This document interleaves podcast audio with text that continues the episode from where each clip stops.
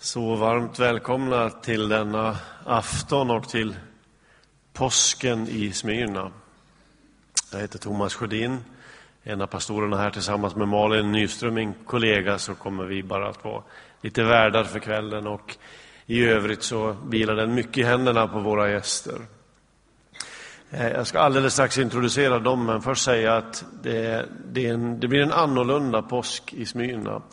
Eh, påsk som är indränkt i bön, där vi har bett länge för detta och väntat på att få, få vandra igenom påskens händelser lugnt och metodiskt och eftertänksamt, dröja vid de olika berättelserna, sjunga de stora sångerna som har med påsken att göra och så följa med i det flöde som leder oss fram till påskdagen och uppståndelsen. Eh, ikväll ska vi dessutom fira nattvard. Vi gör det här i Smyrnakyrkan med nattvardsgång och vi kommer att ha två stationer här nere. Vi återkommer till det när det blir dags för det. Eh, vad roligt att alla ni är här. Vi brukar aldrig ha något på skärtorsdagen i Smyrna. Därför är det extra roligt att alla ni är här och firar gudstjänst ikväll. Särskilt roligt är det att vi har Egil Svartdal som sitter där från Oslo som kommer att vara förkunnare. Här uppe finns Lars Mörlid och Peter Samvall eh, som kommer att leda oss i sången. Jag tycker innan vi går in i detta så tycker jag vi ska ge dem en välkomstapplåd och säga att det är roligt att ni är här.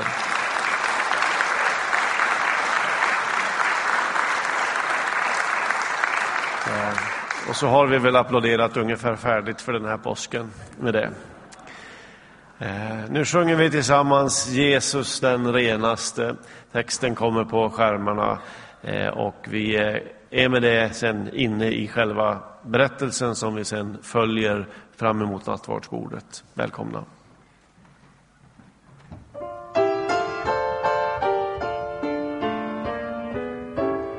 Går upp och sjunger om det skönaste namnet, Jesus, det skönaste.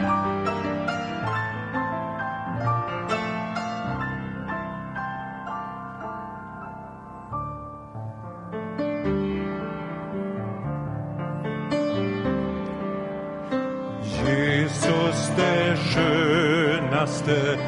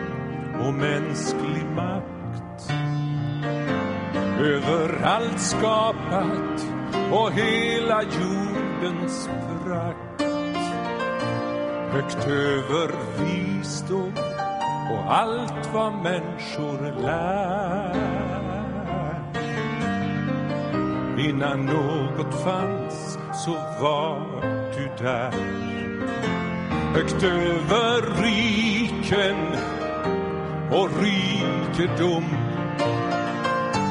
Över det under som världen talar om.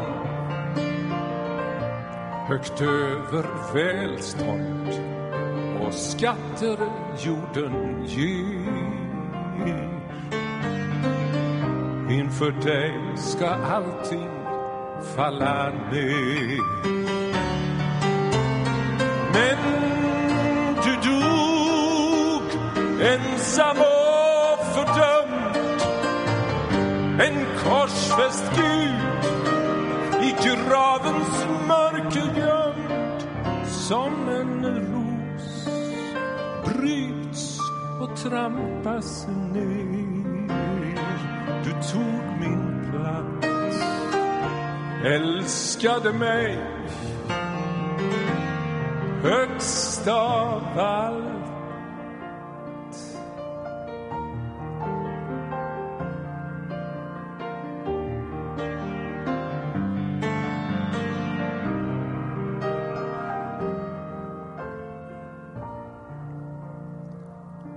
Högt över välden och mänsklig makt. Över allt skapat hela jordens prakt högt över visdom och allt vad människor lär. Innan något fanns så var du där. Högt över riken och rikedom över de under som världen talar om. Högt över välstånd och skatter jorden ger. Inför dig ska allting falla ner. Men du dog ensam. Den korsfäst Gud i gravens mörker gömd som en ros. Bryts och trampas ner. Du tog min plats. Älskade mig högst av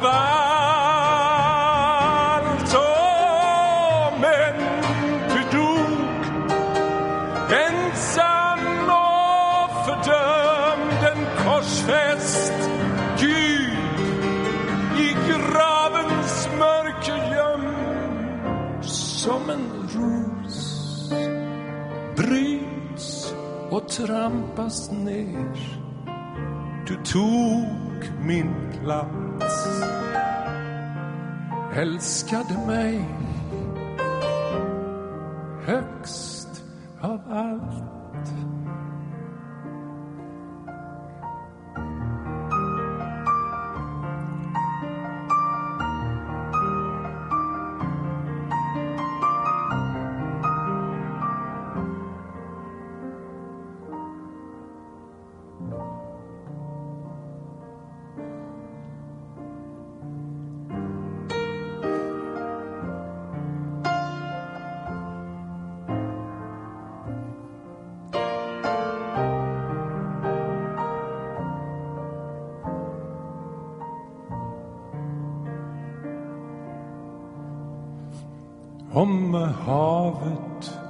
är stilla och friden är stor. Och böljorna slår mot min strand. I sorg och i glädje hör jag ditt ord. Du ska bo i det levandes land. Du ska bo, ja, du ska bo du ska bo i det levandes land. I tider av gråt, i förtvivlans stund. När modet mig sviker igen. Då hör jag så tröstande ord från din mun. Tro på mig, jag ska bära dig hem. Tro på mig, jag tror på mig. Tro på mig, jag ska bära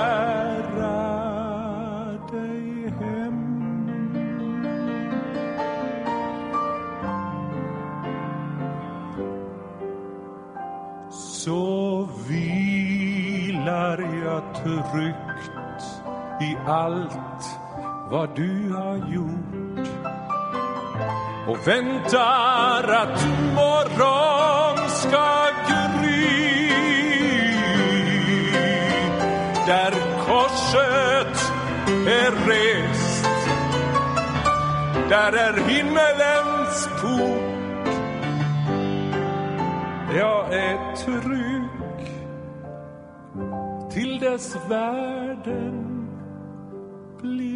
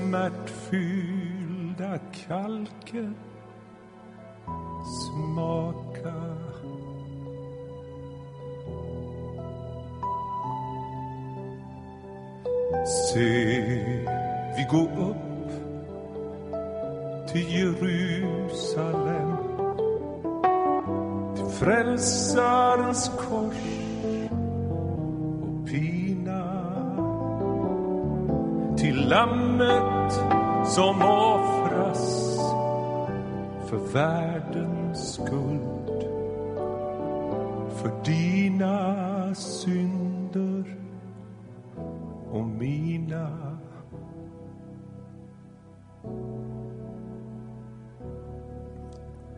Se, vi går upp till Jerusalem till staden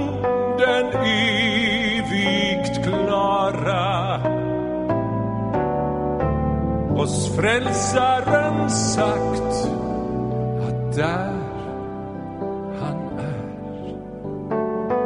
där skall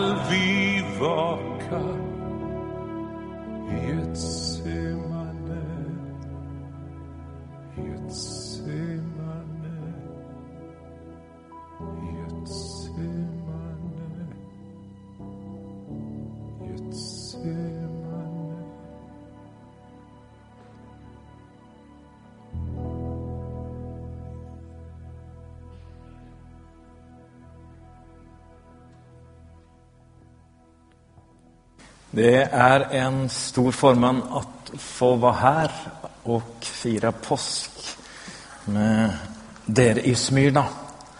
God och glad påsk till alla sammans och tack Thomas för att vi fick komma. Eh, det tycker jag mycket om. Vi gjorde vår första påskvandring i Philadelphia, Oslo för, eh, jag tror det var 1999. Och sen dess har vi gjort eh, varannat år i Philadelphia en påskvandring med Lars och Peter. Och ni frågade om vi kunde komma i fjol, men då var vi i Philadelphia, Oslo. Och nu är vi väldigt tacksamma för att vara här.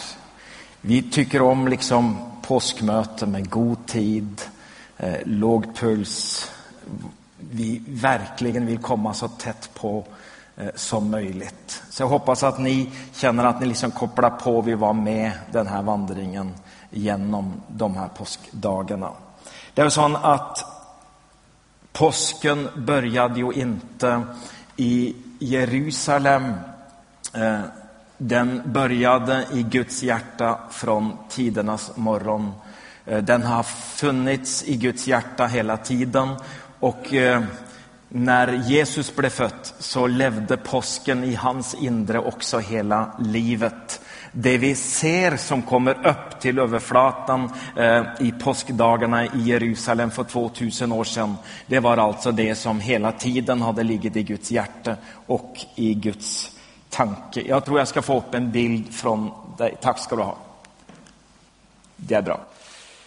Så när vi gör en sån här påskvandring tillsammans så handlar det ju först och främst om att gå med skriften i hand. Eh, bruka profetierna som, eh, som kompass, göra skriften som vår karta och la apostlarna vara våra resledare eller guider eh, så vi kommer så tätt på som möjligt. Vi ska följa honom som kallas för skrifternas Messias. Allt Jesus gjorde, allt Jesus sa, det var redan sagt förutalat i skrifterna många gånger. Bara på långfredagen och påskdagen så citerade Jesus själv skrifterna 30 gånger. Eh, vi kan säga att när han levde var det med skrifterna i hand. När han dog var det med skrifterna i hand. När han begravdes var det med skrifterna i hand. Och när han uppstod var det med skrifterna i hand. Det är skrifternas Messias vi ska följa. Han säger, hur skulle då skrifterna kunna uppfyllas som säger att allt detta måste hända. Det var alltså inte någonting som Jesus ville undvika, men han ville uppfylla det som Gud ville och som profetierna hade sagt. Han säger att allt detta har skett för att profeternas skrifter skall uppfyllas. Och jag tror att vi genom en sån påskvandring känner att tron på Gud, tron på skrifterna och tron på Jesus som Messias, den växer i våra hjärtan. Ska vi ta en liten resumé eh, och tänka att påsken i Jerusalem, när Jesus hade sagt flera gånger att jag vill gå upp till Jerusalem för att fira påsk, så började det när han kom till Betanien eh, på lördagskvällen, eh, kvällen innan palmsöndagen, där eh, Lazarus, Marta, Maria lagde fest för Jesus och hon Maria salver eller smörer Jesu fötter. Inte visste väl hon, hon att det var själva konungen som blev, eh, eh vad säger man, smord den lördagskvällen, men det var det som hände. När Jesus då på palmsöndagen rir in i Jerusalem och håller sitt intåg och nu inte skjuler eller håller det skjult för någon vem han i verkligheten är. När han låter sig hylla som konung och de säger Hosianna, du Davids son och han rir in i Jerusalem. Jag tror att den här palmsöndagen är mycket viktig för Jesus för att eh, eh, de skriftlärda religiösa ledarna, de hade ju sagt att vi får ta Jesus. Eh, vi måste liksom, vi, vi måste vi måste få göra en stopp på honom, för han sätter hela folket på hodet. Som sa, det är bättre att en får dö än att hela folket förgår. Men de hade bestämt att det inte fick ske i påsk. Men det är inte de som bestämmer när och vart det sker. Så när Jesus rir in i Jerusalem på palmsöndagen, då sätter han på ett sätt scenen. Han skapar en reaktion som måste komma, som gör att de måste bli kvitt det här problemet. När all folket hyllar Jesus som konungsson, som profeten Sakarja hade sagt i sin profetia. När Jesus efter att ha ridit in i Jerusalem på palmsöndagen så går han bara upp till templet och ser en, en typ visitas när han ser vad som händer i templet. Han går tillbaka till Betanien på söndagskvällen och han är ganska upprörd i sitt inre. Så när han vaknar på måndag morgon och går in igen till Jerusalem, då är han i så domshumör att när han inte finner frukt på fikenträ så förbannar han fikenträet så det dör direkt. Ett bild på Israel. Sen så går han in i Jerusalem och sen så renar han templet på den här mandagen. Och det gör det ju inte bättre palmsöndagen med Hosianna och konungen som presenteras. Sen rena templet på måndagen så går han tillbaka till eh, Betanien på mandagskvällen där han då kommer mot byn på tisdag. Där är det så det kokar i Jerusalem. Nu är eh, på ett sätt nu är det viktigt att få, få göra en stopp på Jesus. Så nu kommer de religiösa ledarna och har bestämt sig för att de ska sätta fast honom och kommer med alla möjliga frågor. Och Jesus ställer motfrågor och de förstår att man kan inte sätta fast Jesus med frågor eller i ord. Och det står att efter det så vågade de inte längre att fråga honom om någonting. Säger man V-rop på på svensk. Aha. Du vet att Jesus började sin offentliga tjänst med att säga saliga äro, saliga äro, de fattiga, saliga äro. Han avslutar sin tjänst med att säga lika många ve-rop. Ve dere skriftlärde och fariser. Alltså, saliga är de som tar emot mig.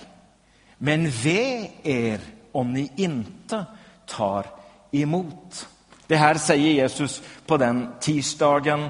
Han profeterar att templet kommer att rivas han lägger märke till en änka som ger en gåva större än någonsin. Alltså, här står han mellan judiska skriftlärda ledare och lägger märke till en änka som ger en liten gåva och säger att hon ger mer än någon annan. Så kommer Filip och Andreas och säger att det är någon greker som gärna vill se Jesus och frågar om, om han kan visa sig upp för dem. Men då säger Jesus att om inte vetekornet faller i jorden och dör det är som han säger, grekerna behöver inte en ny filosof, de behöver en frälsare.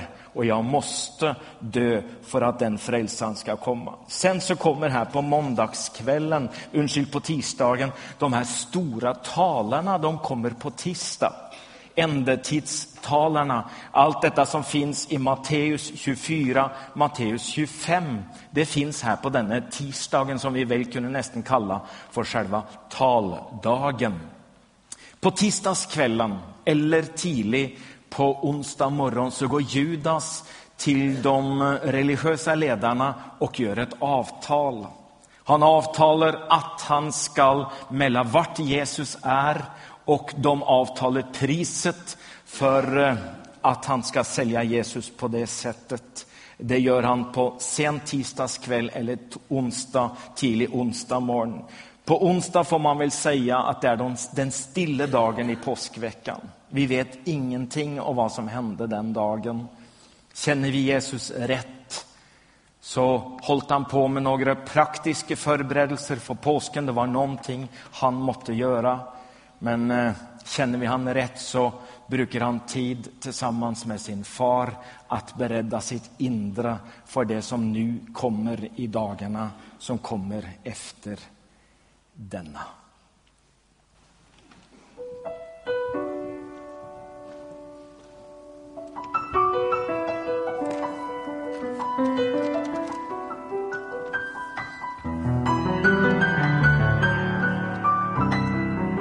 Kommer lyssna på Peter som spelar samtidigt som vi tar upp en kollekt för kvällen. Så att du bara låter den passera. Värdarna kommer resa sig upp och ta upp en kollekt så ber vi en bön för kvällens kollekt. Tack far för att du vill vara med den här kvällen Jesus. Tack för att du vill vara med den här insamlingen som ska göras till församlingens verksamhet Herre. Hjälp oss att använda pengarna på bästa sätt Herre. Välsigna var och en. Amen.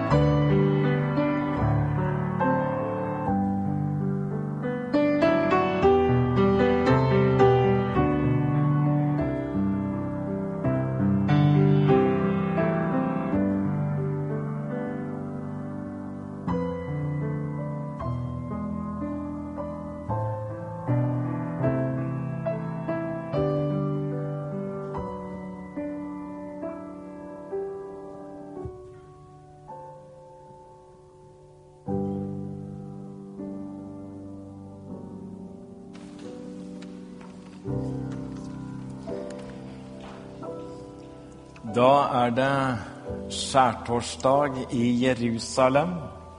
Och det är en väldigt travel, väldigt busy dag för alla som befinner sig där. Det är ju renselsesforskrifter som ska uppfyllas ved att all surdeg ska ut av huset, alla smulor av bröd som kommer av syret bröd må ut av huset. Det är renselsestider, skär, torsdag. Skär kommer av skir, som betyder att rensa. Men mer än det så ska det göras i stand för den stora offringen. Det görs i stand för att slakta lamm och offerdyr i Jerusalem. Och det forberedes både i templet och det forberedes på hemmaplan. Vi har lite olika traditioner för julafton och julfeiring i Sverige och Norge. Men eh, det här liknar i Jerusalem ganska mycket på en julefeiring. Eh, om man går in på ett varuhus så ser man alla män som är stressade där och som, all, som skulle köpa de sista gavene, och, og, allt måste handlas in innan det stänger för den stora julen. Eh, sånn er är det i Jerusalem den här skärtorsdagspåsken. Så händer någonting att Jesus jag kan väl inte säga att det är någon agent 007 James Bond över det här, men, men det är nästan det. För Jesus sänder två av sina discipler på ett hemligt uppdrag in i Jerusalem. Han vet ju i sin ande att Judas har varit hos de skriftlärda och religiösa ledarna och gjort ett avtal om att han ska förråda Jesus att säga vart han finns och vart han uppehåller sig. Och Jesus vet ju att om Judas vet detta nu, vart vi ska fira påsk, så blir det ingen sista kväll med disciplerna, så blir det inget påskmåltid, så blir det inget nattvardsfirande, så blir det inget Getsemane. Så han måste hålla det här hemligt för Judas och de andra så de inte ska veta vart de ska mötas för att fira påsk på skärtorsdagen i Jerusalem. Kan du läsa texten Thomas?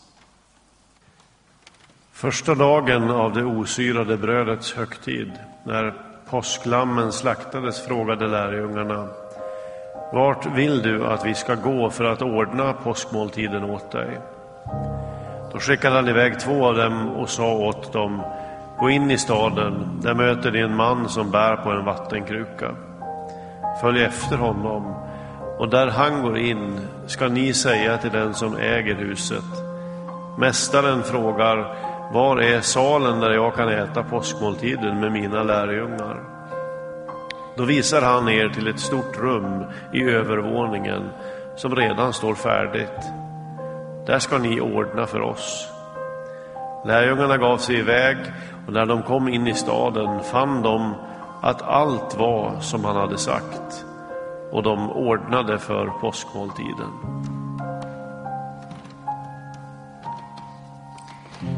En man med en vattenkruka på huvudet. Eh, om man hade sagt att ni ska finna en kvinna med en vattenkruka så måste det vara många tusen möjligheter.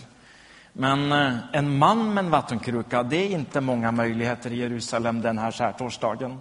Men det fanns ett klostersamfund med män, esséerna, de som senare flyttade ut till eh, till, till Döda havet, eller ner till Döda havet, där i Qumran och som vi sedan fann Dödhavsrullarna, de fanns där och det sägs att Johannes döparen var rätt mycket med dem och att en del av dem kanske var så nära Jesus att han hade gjort ett avtal med dem att hans, han och hans lärjungar skulle kunna fira påskmåltid i deras hus där.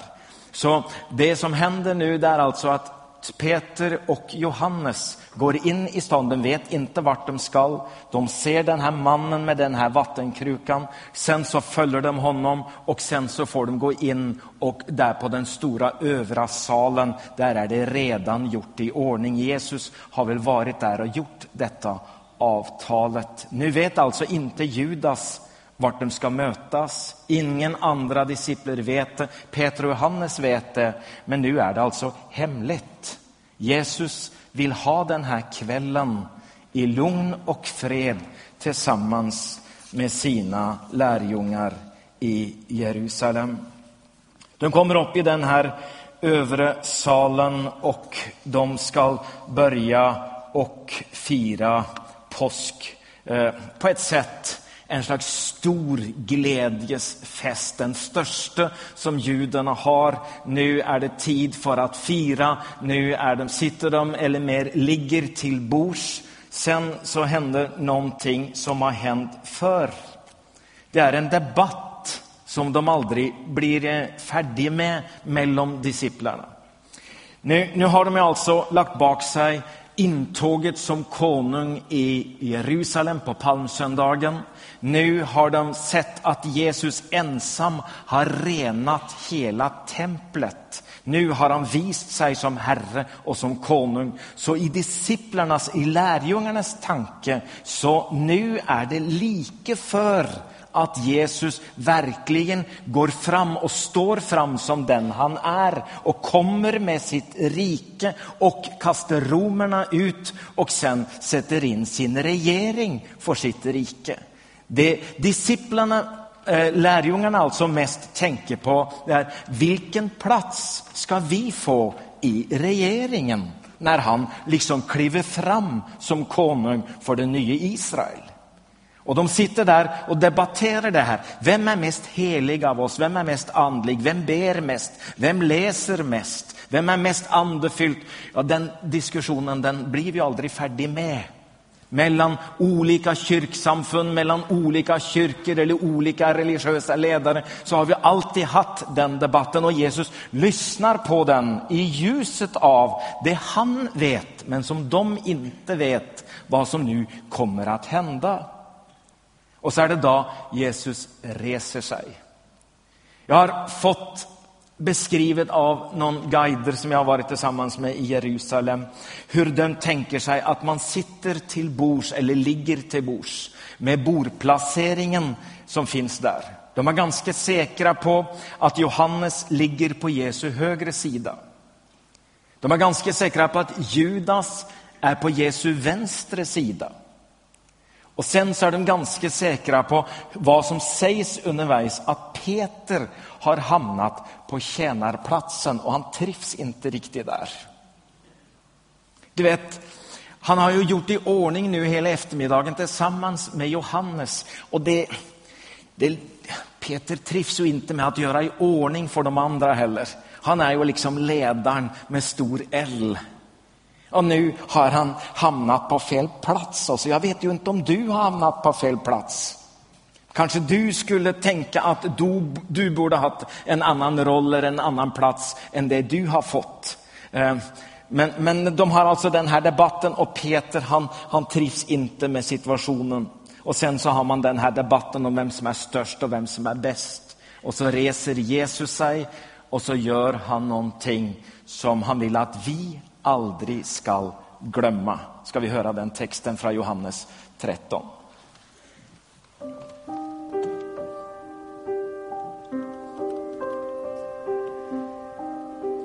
Ni kallar mig mästare och herre och det är med rätta, för det är jag. Om nu jag, som är er herre och mästare, har tvättat era fötter, är också ni skyldiga att tvätta varandras fötter. Jag har gett er ett exempel för att ni ska göra som jag har gjort med er. Sannerligen, jag säger er, en tjänare är inte för mer än sin herre och en budbärare inte för mer än den som har sänt honom. Vet ni detta är ni saliga om ni också handlar så. Jag är en av eh, sex syskon. Vi var sex. Min äldste bror är död. Ehm, vi var fem bröder. Och när mor någon gång frågade Egil, kan du gå på butiken för mig och handla någonting? Så hade jag lärt mig att jag kunde för exempel säga, men det tycker jag att Roar ska göra. Sen så kunde Roar säga, nej det tyckte han att Aril skulle göra. Och Aril tyckte alltid att det var någonting Terje skulle göra. Man liksom skickade iväg alla de här uppgifterna som man inte ville göra själv. Och vem skulle tvätta de andra disciplernas fötter? Johannes tänkte väl att det kan Peter göra, Petrus göra sen, sen han sitter där nere. Men de ville inte liksom ta tag i den här uppgiften att tvätta fötterna. Det är ju så att det var en vanlig sikt när man kom in i ett judiskt hem att man fick tvättat sina fötter. Det är som när vi på vintern tar av oss skorna så var det naturligt att man tvättade av dammet på fötterna. Men den här kvällen så fick man inte bara tvättat fötterna, men någon i familjen skulle gå fram till han som var far i huset med ett vaskfat så han fick vaska händerna många gånger under måltidet. Och det skulle bara ge en känsla att vi är fria människor, vi är inte slavar, vi är fria. Så där, många gånger under måltidet så fick man tvätta händerna om man var husfar, som Jesus var i det här. Men ingen hade tvättat någons fötter och inte hade än någon tvättat någons händer. Jag tycker att Aril ska göra det. Jag tycker att Roar ska göra det. Det värsta mor kunde säga i den situationen var, så får jag göra det själv då. Och när mor tog på sig kåpan för att gå ut på butiken, där satt det liksom fyra, fem eh, eh, söner där borta och tänkte, nej, det går inte. Hon ska väl inte göra detta. Jag vill ju att Aril ska göra men om mor gör det, då vill jag göra det själv. Så ser alltså disciplarna, lärjungarna, ser alltså detta att Jesus går bort där, tar av sig sin eh, kjortel och tar på sig tjänarsrollen. Så börjar han att vaska lärjungarnas fötter, en efter en. Och det måste vara underligt för Jesus och det måste vara underligt för Judas när Jesus, han som är församlingens hode, ligger på knä vid sina lärjungars fötter och tvättar dem rena. Han visste vart de fötterna hade varit. Och han går vidare, han tvättar Tomas fötter, Johannes fötter. Men nu när han kommer helt ner till tjänarplatsen där Peter står så tänker Peter, nej, det finns en gräns. Så Jesus säger, nej, det här får du inte göra med mig. Då säger Jesus, om jag inte får tvätta dig så har vi inte någon tillsammans. Och då slår Peter helt om. Då säger han, nej, nej, nej, nej, inte bara fötterna, men då vill jag det är fantastiskt med Peter. Då, då ska han liksom ha det över huvudet, då ska han ha det över hela kroppen. Då ska han ha ett fullt bad om det är möjligt. Men så säger Jesus, nej, nej Petrus, du behöver inte bli frälst varje gång du har syndat. För ni är allt rena på grund av det ord jag har talat till er. Men det är viktigt att jag hela tiden får tvätta dina fötter. All det dammet som hänger sig på dig under vandringen, det måste jag få tvätta bort. Och inte bara måste jag få tvätta dina fötter, Petrus, men ni ska tvätta varandras fötter. Och sen så har några kyrkor då praktiserat fotvask. Och det kan väl vara bra. Men det är mycket enklare att vaska någon annans fötter än att förlåta dem deras synder. Och det är väl kanske det Jesus ber oss om att göra. Kanske han ber oss om att själv ta vaskfatet, böja knä vid någons fötter som har sårat oss som har sagt någonting till oss eller gjort någonting mot oss eller inte gjort någonting mot oss och själv tvätta bort det som andra skulder oss för att rena dem från deras synder mot oss. Jesus säger i alla fall att han som är hode och han som är herre, när han har tvättat våra fötter så skulle vi tvätta varandras fötter. Oss. När Paulus senare skriver detta så tänker han kanske på den här historien och säger, kan vi läsa tillsammans? Går det bra? Ni läser bättre svenska än mig. Få höra. Tänk inte bara utan också på andras. Låt det sinnelag råda hos er som också fanns hos Kristus Jesus. Han ägde Guds gestalt men vakade inte över sin jämlikhet med Gud utan avstod från allt och antog en tjänares gestalt då han blev som en av oss. När han till det yttre hade blivit människa gjorde han sig ödmjuk och var lydig ända till döden, döden på ett kors.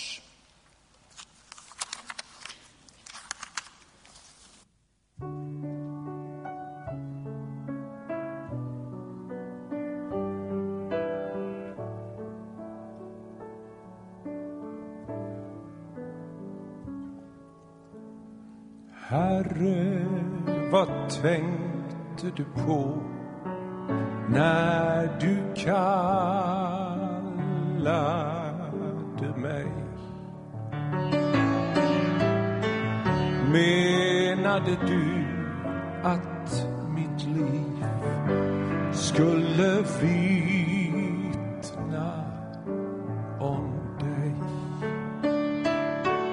Nog kan du väl se att människorna ler åt en sådan lärjunge som jag.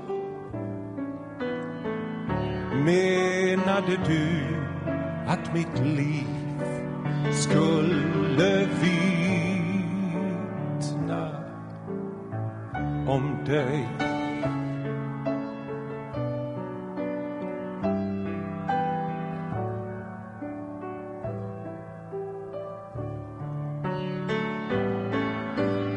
Genom min själ som ett svärd går ett flammande ord skapad av Gud till att vara hans avbild på jord. Du måste förstå, det kan inte gå med en sådan lärjunge som jag. Skapad av Gud till att vara hans avbild på jord.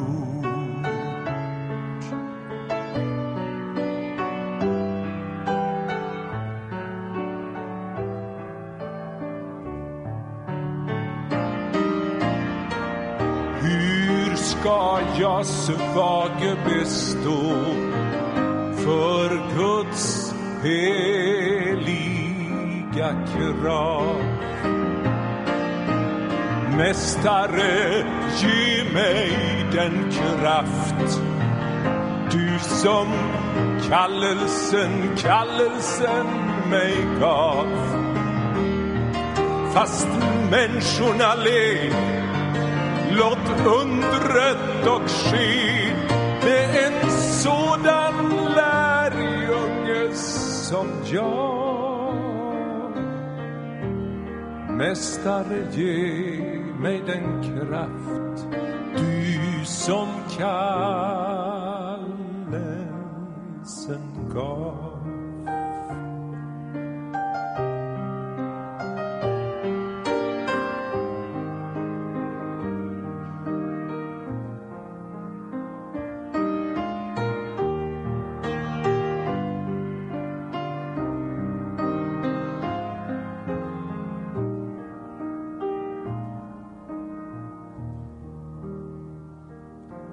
Fast människorna le Låt undret dock ske med en sådan lärjunge som jag. Mästare, ge mig den kraft du som kan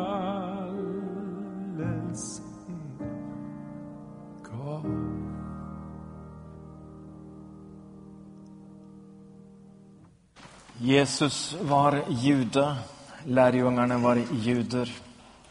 De är i Jerusalem, de ska fira judisk påsk.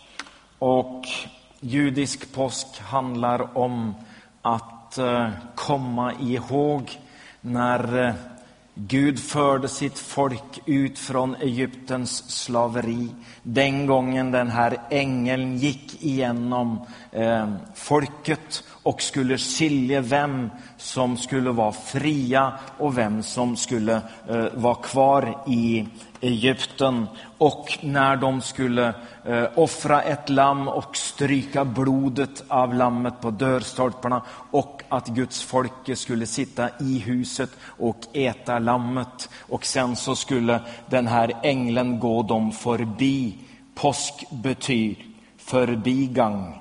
Påsk, Passover, Pesach betyder alltså att domen går förbi. Vi är fria människor. Och Gud ville att de skulle fira den här historien från generation till generation, från år till år på ett sådant sätt att ingen fick glömma det och alla skulle komma i tro på detta och det skulle hända då i påsken varje år till minne om utgången från Egypt. Eh, I övrigt var det ett vanligt stort festmåltid. Vi har inte mycket religiösa traditioner knutna till våra festdagar mera. Eh, annat än att på julafton så är det någon som kanske läser julevangeliet, Lukas eh, 2. Eh, Men Medan judarna hade alltså en jättetradition anknuten till den här festen. Vid sidan om den vanliga maten som de skulle äta var det ett symboliskt måltid med vissa elementer som skulle vara med varje gång. Det var påsklammet, självklart skulle vara en ben av påsklammet som var slaktat, som var gett som offer. Så skulle det vara en ben av påsklammet på bordet. Det skulle vara osyrat bröd för eh, de skulle komma ihåg att när de skulle flykta från Egypten så måtte det ske i hast. De hade inte tid att baka bröd med giss. Ehm, för det tar tid att baka. Man måste göra det utan, ehm, utan gär, som vi säger på norsk.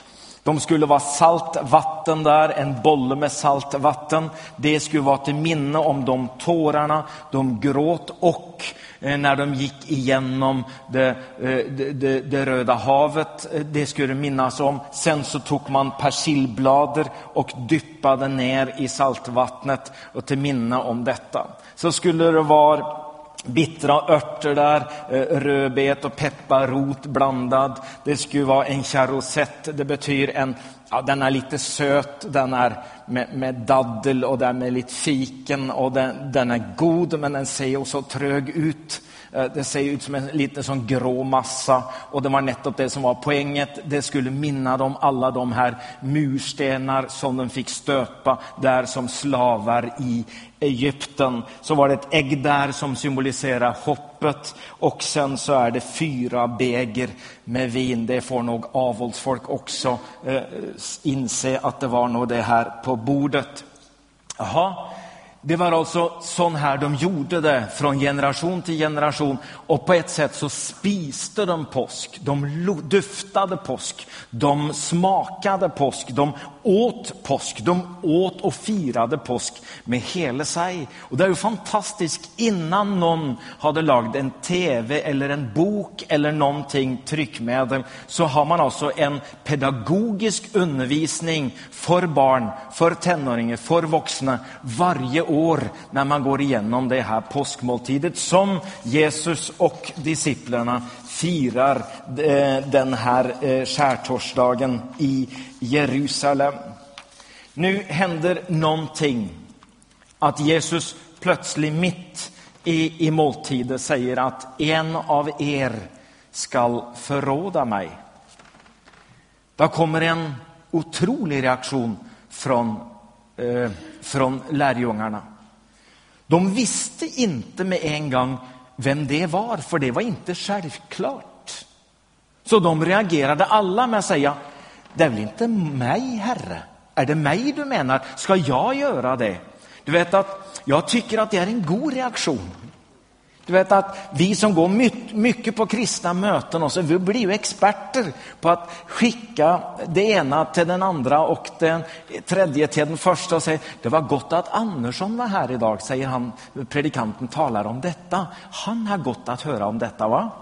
Sen så är vi väldigt goda att adressera allt som sägs till någon annan. Och vi predikanter, när Gud talar till oss, så tror vi att det är alltid för att vi ska säga det till någon andra. Så Gud kommer aldrig oss i tal, han tror bara att vi ska få predikningar hela tiden. Och det är liksom den reaktionen som är här. Det är väl inte mig, Herre?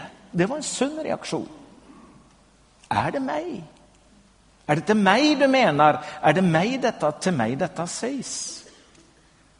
Så säger Jesus, eller så är det Petrus som får kontakt med Johannes. Och han får gjort ett tecken på ett sådant sätt att han som sitter så nära Jesus, han måste väl kunna fråga vem som ska förråda Jesus. Så lutar Johannes upp nära Jesus och frågar, vem är detta som skall förråda dig? Så tar Jesus ett bröd och det som vanligtvis är ett tecken på ära, en kärleks ett tecken på kärlek det är att han säger den jag ger detta brödet till, han är det. Och när Judas får detta bröd så är det det sista kärlekstecken som Jesus ger Judas. Kanske med ett inre rop, Judas, gör inte detta. Stanna nu, Judas. När Judas har fått detta brödet och på ett sätt är blivit avslöjat i gemenskapen, då reser Judas, upp sig, äh, reser Judas sig och sen så går han ut. Och Johannes skriver senare om detta. Han gick ut och det var natt.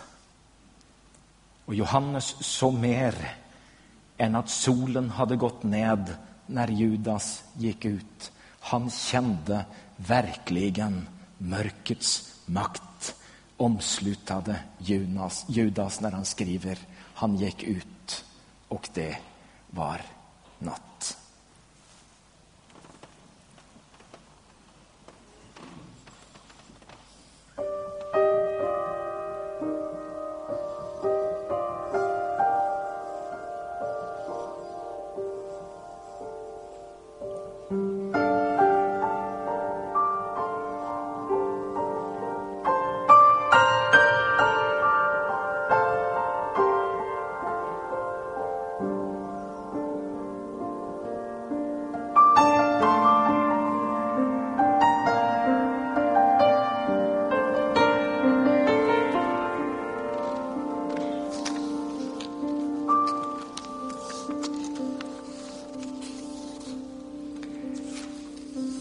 Efter att Judas har gått så händer det en ändring i detta påskmåltid. Nu går det från det judiska till det som senare blev det typiskt kristna. Nu vänder det från det gamla till det nya. Nu mäller Jesus att nu finns det ett skifte i historien, att vi inte längre ska fira bara att man kom ut från Egypten slaveri och blev fria människor. Men nu ska vi fira att vi har kommit ut från mörkrets makt och vi har satt över i ljusets rike. Våra synder är förlåtna för lammet som blev slaktat är inte bara ett villkorligt lamm som blev slaktat på den här dagen i Jerusalem i templet. Men detta lammet är det lammet som Johannes döparen såg när Jesus kom ner emot jorden han den dagen och han sa, se där Guds lamm som bärer världens synd.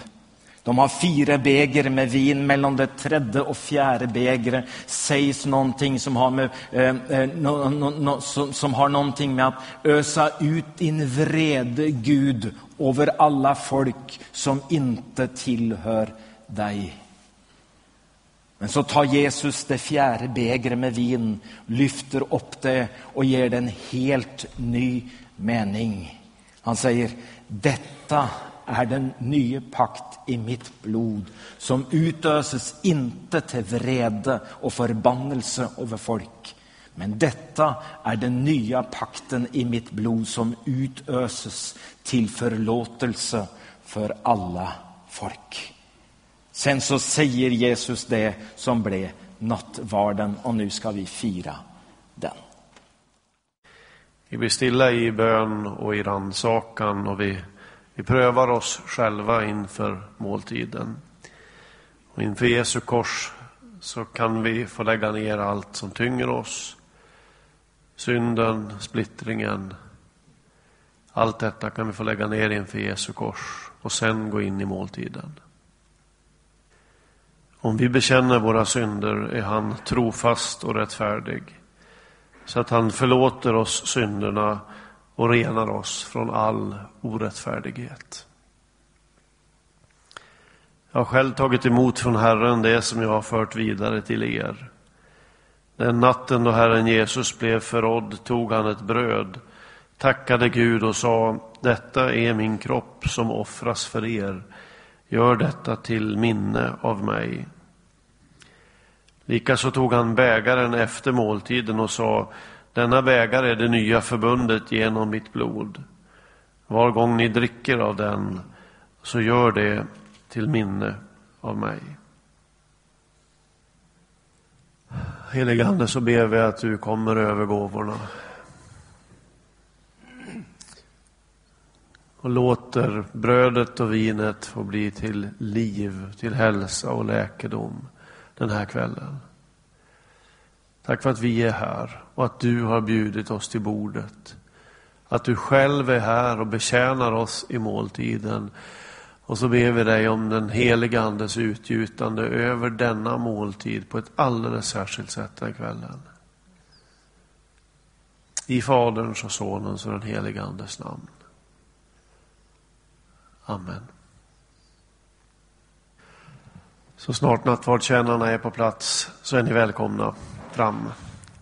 Allt är färdigt.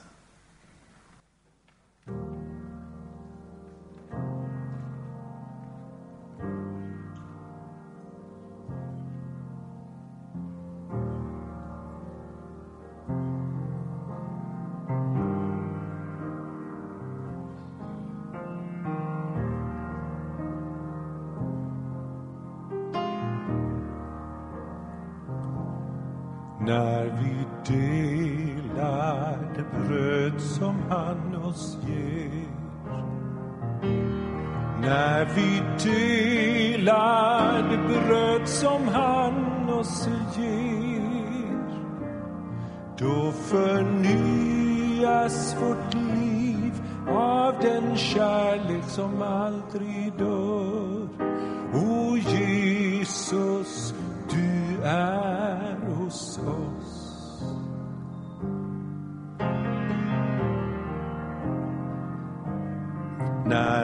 Dricker det vin som han oss ger När vi dricker det vin som han oss ger Då förnyas vårt liv av den kärlek som aldrig dör. Åh Jesus, du är hos oss.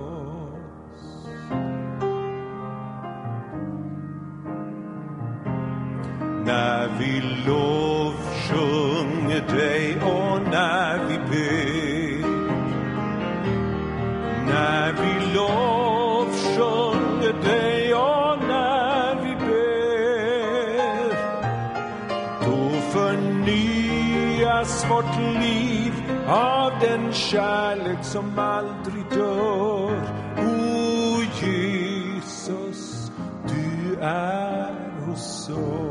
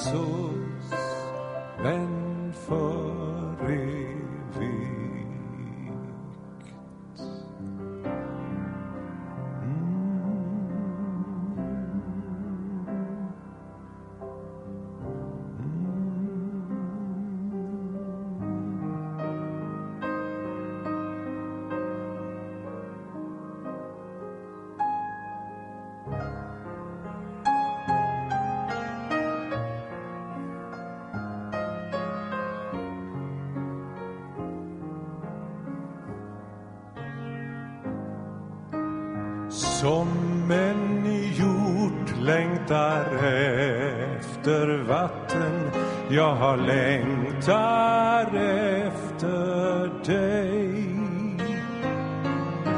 Som en hjort längtar efter vatten Jag har längtar efter dig.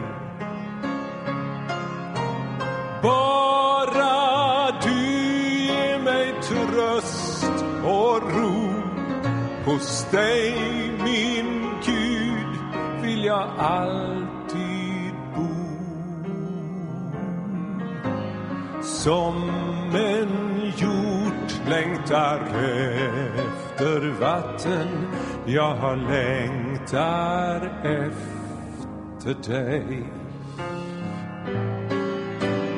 Och upp till dig går mitt hjärtas lov. Jag vill tillbe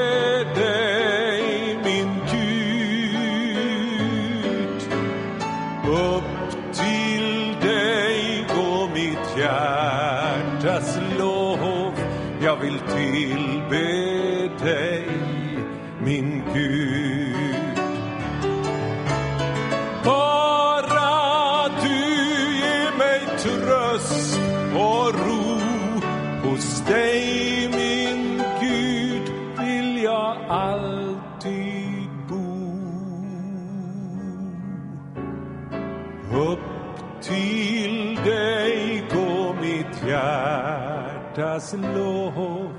Jag vill tillbe dig,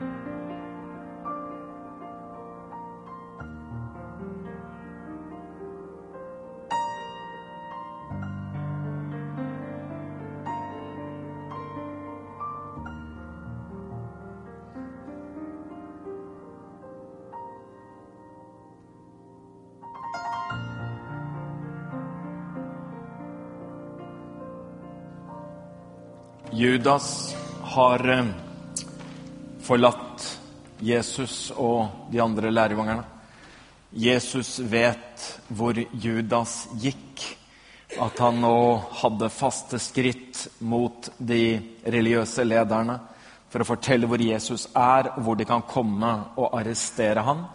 Och eh, Og Jesus vet at han har dårlig tid här uppe i övre salen i Jerusalem på Sions berg. De tar seg tid till att synge lovsangene som finns i Salme 113 till 118. Det ingår i påskemåltidet. Eh, underlig situation å synge lovsanger och takkesanger i. Men Abraham hade ju sagt en gång då han skulle gå och offra sin son Isak, att min son och jag ska gå bort och tillbe. Och det djupaste form för tillbedelse som vi kan ge Gud, är att ge Han vår vilja och ge oss själva. Jesus sang lovsanger och tacksanger sammen med disiplene sine. Men på et tidspunkt så reiser han seg brått opp og sier at nå må vi gå. Eh, han vil fullføre det eh, som han vil gjøre etter sin egen regi, og han vil ikke bli tatt og arrestert der oppe i øvre salen. Derfor tar han med seg disiplene ut av nadværsfeiringen og lovsangen, går ut på Sionsberget der, og på vei ned mot Kedrondalen så begynner han å tale disse talene som bare Johannes har fått med seg. Det er avskjedstaler. Det er fantastisk gripende det Jesus nå sier i Johannes 14. Ikke bli grepet, ikke la deres hjerte bli grepet av uro og angst. Jeg kommer til dere. Og den moderlige og faderlige omsorgen og kjærligheten som Jesus har for disiplene sine i denne situasjonen, er fantastisk rørende. Johannes 14. Så kom Johannes 15, hvor Jesus sier, 'Jeg er vintreet, dere er grenene.' Hver gren på meg som ikke bærer frukt, den tar han bort. Men hver gren som bærer frukt, den renser han, så den kan bære mer frukt. Jeg er vintreet, dere er grenen. Så sammenvevd er vi. Så kommer Johannes 16, hvor han berättar forteller om trøsteren, talsmannen, Den hellige ånd, som skal komme. Jeg etterlater dere ikke farløs. Dere skal ikke bli alene. Jeg kommer til dere. Og så forteller han om Den hellige ånd som skal komme. Og så avslutter han disse avskjedstalene med å be. Og så kommer Johannes 17 med Jesu øverste prestlige bønn der ute på kanten et eller annet sted før det stuper ned mot Kedrondalen, hvor han sier, 'Far, herliggjør din sønn, så jeg kan herliggjøre ditt navn'. Og så ber han, ikke for seg, men han ber for sine. Han ber for de som gjennom dem kommer til tro. Og så ber han om at vi alle må være ett, slik som Faderen og han er ett. Når han har bedt sin øverste prestelige bønn, så kommer de over Kedron-dalen, Kedron-bekken, og inn i tregården i Getsemane. Et sted som må være et ganske vanlig sted for Jesus og disiplene å gå når de kommer til Jerusalem. Det er skygge om dagen, så det er svalt, og det er godt å være der også om kvelden og natten. De hadde et sånt fast sted som de brukte å gå til. Du har sikkert et sånt sted du også, når du trenger å være litt alene. Noen har en stol i et hjørne av stua, noen har en plass i skogen de går til. Andra reiser på hytta. Men de fleste av oss har funnet et sånt sted. Når noe står på i livet vårt, og det virkelig trykker, så tyr vi til noen faste, gode plasser som vi har bygd opp som et slags møtested mellom Gud og oss. Et godt sted å være når stormen raser. Han tar med sig lärjungarna sina in i trädgården i Getsemane och ber Johannes och Peter och Jakob eh, att vara med ända lite längre in. Vi vet inte varför han gör detta, Det vi vet, är att alla är inte beredda på att gå lika långt. Eh, inte alla tåler lika mycket. Ikke alle forstår like mye, ikke alle orker like mye. Men Jesus, det ser ut som om han som han trenger litt ekstra hjelp av noen som kunne klare litt ekstra, som kunne orke litt mer. Så han ber Petrus, Jakob og Johannes om å bli med lenger inn i haven. Kanskje han tenker at han vil at de andre ikke skal se han når han lider som han gjør. At de skal se hvor vondt han har det når han kjemper. Eller om han rett og slett tenker kan ikke dere tre, som så meg oppe på fjellet da mitt ansikt ble som solen å se til da de så hans herlighet, orker dere å se også min lidelse? Orker dere å se når svetten blir til blod? Kanskje han forventet, kanskje han våget å tro, kanskje han håpet at de ville tåle og orke å gå dette lille stykket lenger. Men det siste stykket allikevel måtte Jesus gå alene. Og det er underlig bare et stenkast unna der hvor de tre etter hvert ikke klarer å være våkne. De er for trøtte, de har spist mye, de har drukket disse glassene med vin. Det er naturlig, men, men senere så må de ha tenkt. Om vi bara hade visst, om vi bara hade förstått vad som stod på ett stenkast undan. Vilken kamp vår frälser, vår Herre, kämpet alene. Att vi inte kunde orka den ena kvällen, den ena natten, den ena timmen. Att vi inte skönte att där borta, där föregår nu den eviga kampen och där avgörs den. Visst avgörs den på korset, men det hade aldrig blivit något kors om det inte först hade varit ett Getsemane. Det att genomföra är en ting, men det att ta beslutningen när du har fri vilja, det är något annat. Och så är vi alltså där igen. Det begynte ju i en trädgård. Det begynte i Edens hage. Det begynte med et människa, Adam, som ville vara Gud och som därmed falt och tog med oss alla. Och så är det som om Gud har regisserat det så att vi ska tillbaka till Edens hav, till trädgården.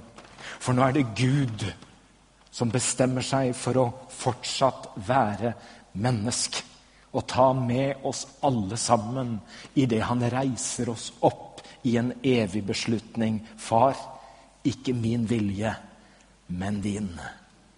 Och så överger Jesus sig på den måten i Getsemane havet. Själv drog han sig undan ifrån dem ungefär ett stenkast, föll på knä och bad Far, om du vill så ta bort denna bägare från mig, men låt din vilja ske, inte min.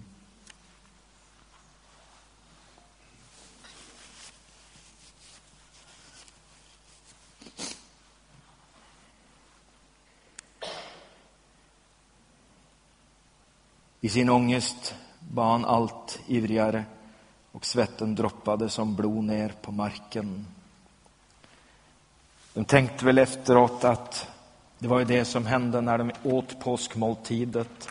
Så är det ju så att de alltid spiller några droppar med vin på bordet eller på marken för att de ska la det vara en droppa med vin för varje plåga som Gud la på egyptarna när Israels folke skulle få sin frihet. Och det är som om Gud nu har låtit alla våra plågar ramma Jesus och nu droppar svetten som blodsdroppar till marken. Hans plager, eller våra plager som är lagt på Jesus. Nu händer detta tre gånger när han går tillbaka till lärjungarna och sen så säger han plötsligt när han reser sig, nu nu, nu är det mörker som rår.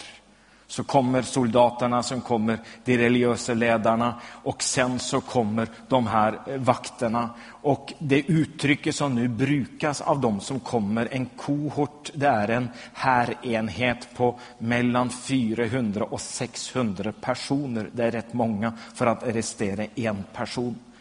I för, första ledet kommer Judas och Judas går rätt bort till Jesus och kysser Jesus.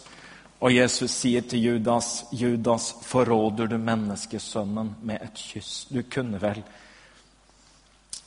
du kunde väl funnit en annan måte att göra detta på?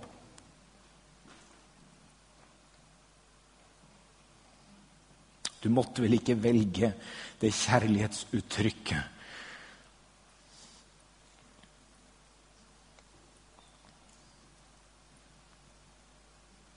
Vem är det ni söker? Vi söker Jesus från Nasaret. Då säger Jesus, det är mig. Och måten han säger, det är mig på. Jag är ego eimi.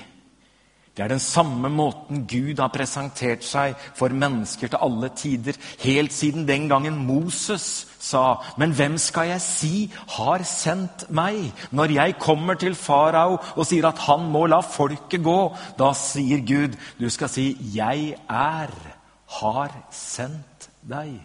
Vem är det ni söker? Jesus från Nazar. Jag är. Och i det Jesus säger jag är, på den måten Gud alltid har sagt det på, så faller alla dessa soldaterna, det kan ha varit över 400, de faller som dominobrickor. Och det är som om Jesus vill demonstrera makt. Ingen kan arrestera mig, ingen kan ta mitt liv, ingen kan fånga mig, ingen kan göra mig till slave. Jag mig er gitt all makt i himmel och på jord. Men nu får Petrus frimodighet. Fiskaren från Galilea har köpt sig ett svärd. Han har tänkt, om alla forlater Jesus så ska jag vara siste man. Och det är fantastiskt med Petrus när han tar svärdet och griper. Han har jo inte mycket träning heller, han är fiskare stakkaren. Eh, uh, och kanske godt var det, eller så hade han kanske truffet. Uh, men han, han, han, tog bara øret på den här eh, översteprästens överste tjänare Malkus. Och det var det sista undre Jesus väl på det sättet kunde göra. Det var att han säger till Petrus, nej Petrus, om jag ville haft eh, försvar så kunde jag bett min far om att skicka mig tolv legioner änglar. Vi vet i Gamla testamentet att det var en ängel som dräpte 185 000 fiender. Så Petrus, om jag vill ha försvar, om jag vill ha, ha, ha soldater så finns det, de, kommer, de kommer med en gång om jag vill. Men sticksvärdet tillbaka. Eh, för det är inte det jag vill. Och så helbreder han den här Johannes, eller den här Malkus med öret. Det är fantastiskt. Jag tänker Jesus, du har helbredet många som jag har skärt öra av med mina predikningar. Någon tränger lösöreförsäkring eh, eh, när vi är ute och liksom kappar eh, av folk. Men, men, men Gud är god, han kommer efter oss och gör i ordning. Och så säger han, om det är mig dere söker, då la disse gå. Fantastiske Jesus. Han gömmer sig aldrig bak sin församling. Han ställer sig föran oss alla och säger, icke ta disse, ta mig. Så för Jesus bort. Och det sista vi hör från Getsemane är detta som eh, Markus senare må ha förstått det var inte bara lärjungarna som förlot ham, men det stycket han nu ska gå, vägen via Dolorosa upp till korset till Golgata, den må han gå alene. Och vi ska ta upp vandringen imorgon på långfredagsgudstjänsten. Herre, jag tackar dig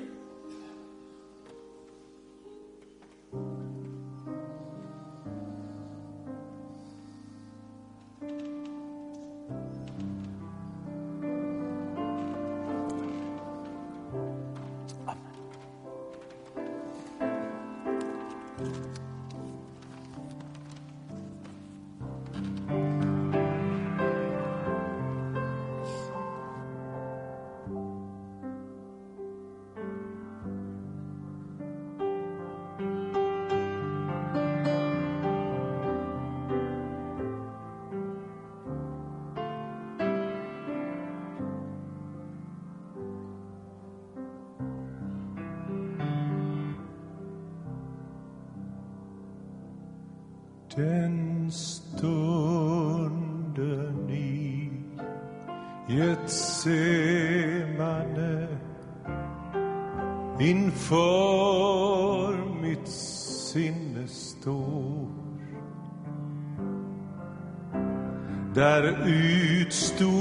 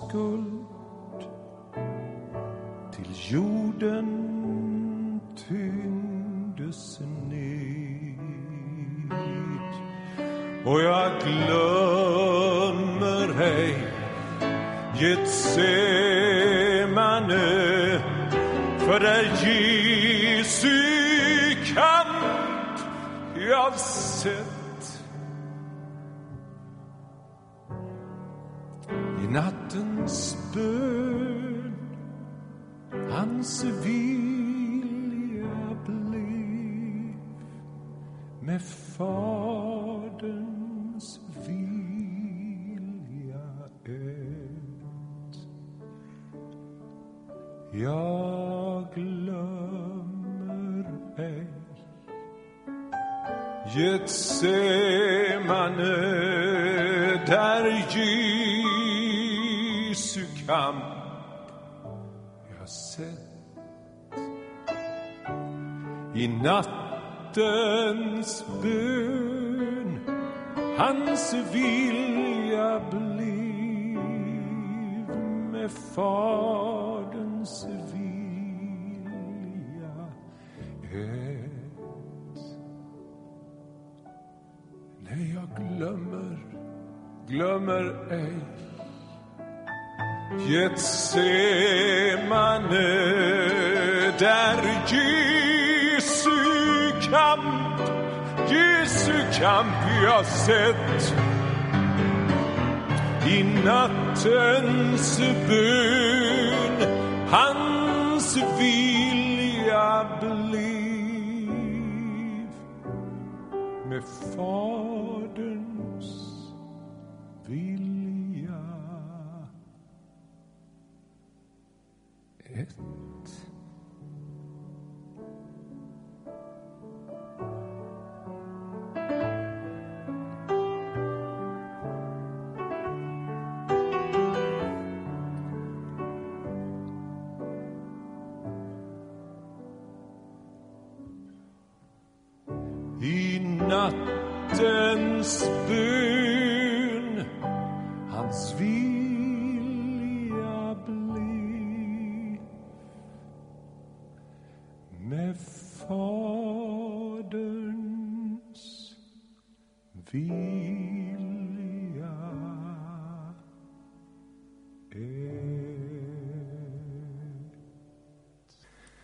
står upp och lovsjunger den helige. Herren Gud, han som har all makt.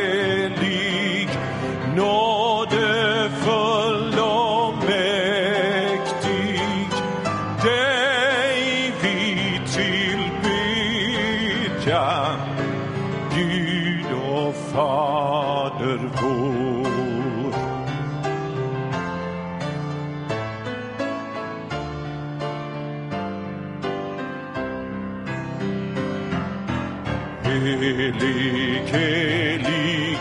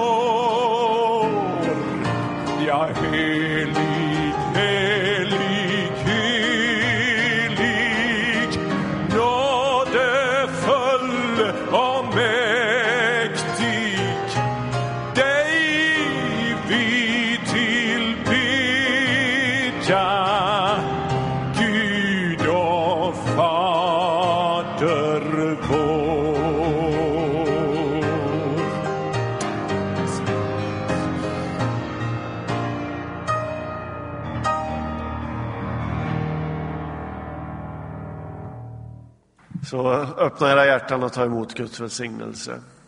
Herren välsigne oss och bevara oss. Herren låter sitt ansikte lysa över oss och vara oss nådig. Herren vänder sitt ansikte till oss och ger oss frid. I Faderns, Sonens och den helige Andes namn. Amen.